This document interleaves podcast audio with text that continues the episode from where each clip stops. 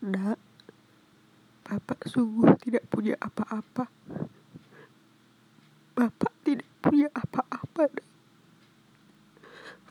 Bapak hanya selalu berdoa atas kesuksesanmu nanti. Sungguh, Bapak tidak punya apa-apa.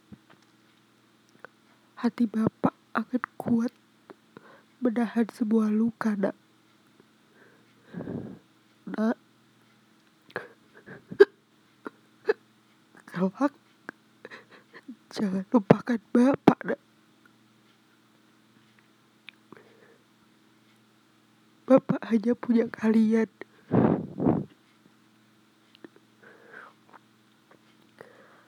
Berdegik tiba-tiba telingaku. Pandanganku gelap.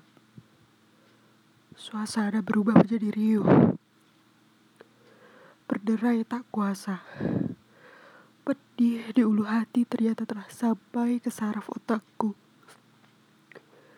Seketika tak sadar diri, rasa sakit itulah yang memerintahkan saraf pusatku agar bekerja keras menahannya.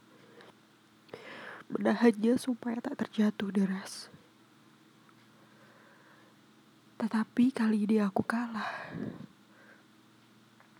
Aku tertutup, lalu bersimpuh dalam pelukannya.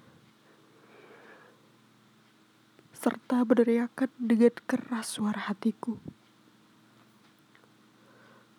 Sesekali aku menghela nafas.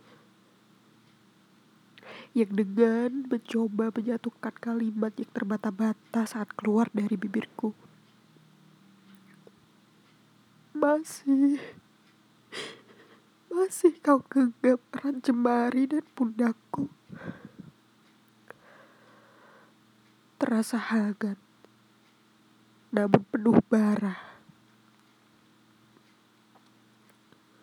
Tak kuperdulikan terlebih dahulu gumamanya.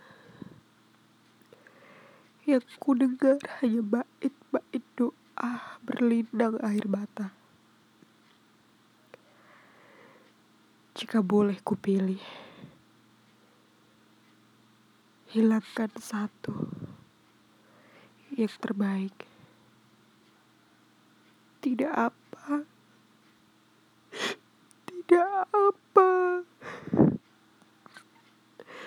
Perihal merelakan akan kupelajari di halaman berikutnya. Setelah riuh ini reda.